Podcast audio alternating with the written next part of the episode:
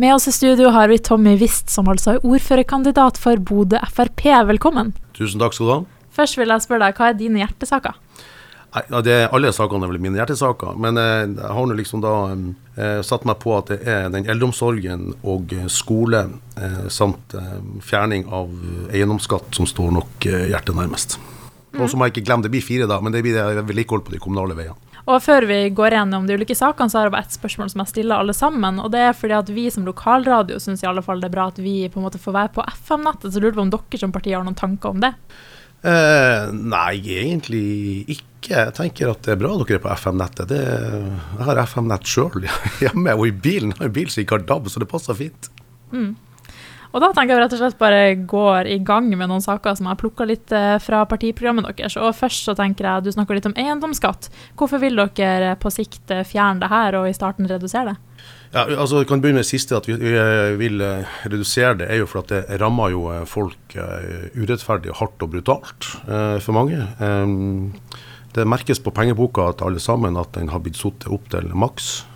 Så vi ønsker da å sette den ned altså, sakte, men sikkert eh, med et fradrag på ned til 500 000. Så vi kommer til å begynne med 100 000 i det første valgåret. Videre så ser jeg også dere har lyst til å fjerne alle bompengestasjoner i Bodø kommune. Hvorfor det? Ja, eh, Det har jo vært en mantra av Frp at vi skal fjerne alle bomstasjonene. Det klarte vi ikke i regjering, og det har vi fått smertelig erfart. Og det får vi høre hver eneste dag. Men vi ønsker å jobbe for det, også det samme som eiendomsskatten. Den er veldig urettferdig. at eh, bilistene skal betale på noe de allerede har betalt eh, fra før av. Det rammer også de som har dårlig økonomi og må betale både eiendomsskatt og må betale bompenger. Mm. Hvordan skal dette finansieres, da? Nei, Bompenger det får staten ta seg av, for de tar hele eh, kaka ut, ut, av det. Eh, når det gjelder eiendomsskatten, så har vi store friheter egentlig til å ikke ha den. Det er bare det at det har vært veldig behagelig for Bodø kommune å innføre den og bruke de pengene som er. Og så har du snakka litt om eldreomsorg og sånne ting. Og dere har jo også lyst på privat drift av sykehjem. Hvorfor vil dere det? Ja, Ikke bare drift, men også at det kan bygges i privat eh, regi. Eh, og Det er jo fordi da går det ikke utover kommuneøkonomien og det å bygge det. Jeg snakker ikke om OPS, nå snakker jeg i hovedsak at de bygger, byggene sjøl og drifter. De drifta er jo må kommunen betale for uansett. Men vi tror eh, det at eh, at det vil eh, bli bedre kvalitet. Ikke det at det i Bodø kommune har god kvalitet, for vi har mange dyktige og god kvalitet i, i kommunen, de som jobber der. Men vi vil at skal, eh, folk skal få lov til å velge sjøl hvor de vil eh, bli gamle, for å si det sånn. Mm. Men eh, hva tenker dere om at det på en måte kan gjøre sånn at folk da kan ta profitt av det, hvis det er privatisering og sånne ting? Hva tenker du om profitt av eldreomsorgen? Jeg tenker det at uh, for ethvert selskap uh, så må man få lov til å ta ut uh, av et overskudd. Og så er litt misforstått av og til når det gjelder helse, omsorg og skole, de som driver og privat. Så er det sånn at Gjerne så selger de kanskje et bygg, men det kommer ikke frem ofte at de har solgt et bygg og kan da ta ut et overskudd. Så det er ikke nødvendigvis overskudd på drift, men det kan være overskudd for at de har solgt et bygg. Og en sak som egentlig ikke har noe med partiprogrammet deres å men som på en måte er litt i vinden nå, det er jo Bodø-Glimt. De har jo lyst til å eh, lage et nytt stadion på Rønvikjorda. Har dere noen tanke om det? Eh, ja, vi er jo for at de skal bygge en ny stadion. og De trenger å bygge den nå. Eh, og så er det mange som sier at ja, men de kan bygge den når de får eh, Ny by, ny flyplass. Eh, det er litt langt frem i tid, for vi får det, og de trenger stadion eh, nå. Og så er jo den åkeren satt av til at der kan de få lov til å bygge, så jeg tenker at det er helt supert. Og så er det noen som ikke er imot det, spesielt naboene. Jeg er jo en av de naboene, nærmeste naboene til akkurat den åkeren. Eh, så jeg er klar over det at parkeringsplassene mine de blir begrensa, og sikten blir begrensa. Men det gjør meg ingenting, for å være helt ærlig.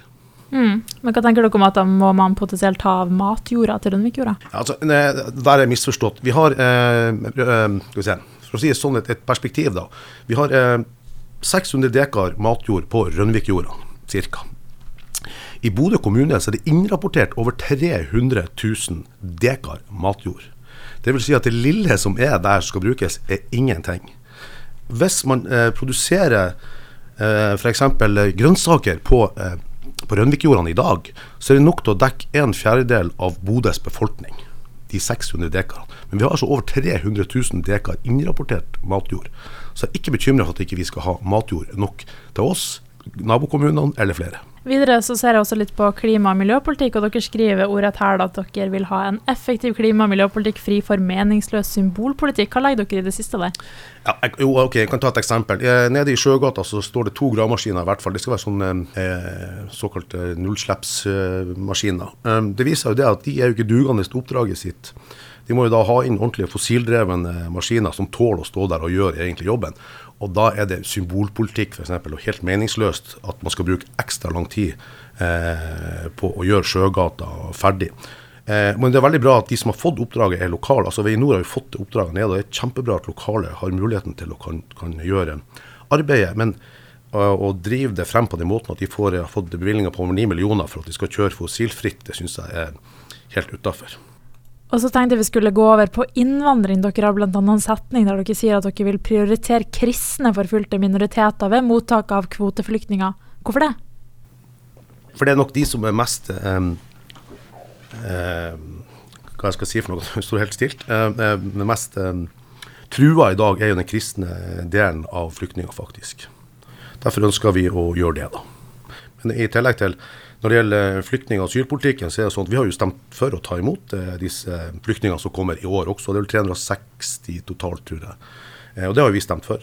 Men siden dere fokuserer så mye på de kristne, tenker dere at de er mer verdt enn andre flyktninger? Nei, det gjør vi overhodet ikke. Men eh, de er litt forsvunnet i, i nyhetsbildet i dag. Det har gjerne ofte vært disse som dessverre har omkommet som båtflyktninger og sånt, vært mye i nyhetsbildet. Og de som har drukna, havna på strender rundt omkring nede i Middelhavet. Eh, og da har de kristne som er på flukt, fått veldig lite omtale, rett og slett. Eller ikke blitt tatt ordentlig hånd om. Videre så er dere opptatt av å integrere folk på en god måte. Hvordan type tiltak tenker dere at man kan gjøre for å integrere flyktninger og sånne ting? Eh, godt spørsmål. Um, det, jo, det, handler jo om at man må integrere hele familien fra um, eldst til yngst. Eh, og da må man ha eh, nok kunnskap.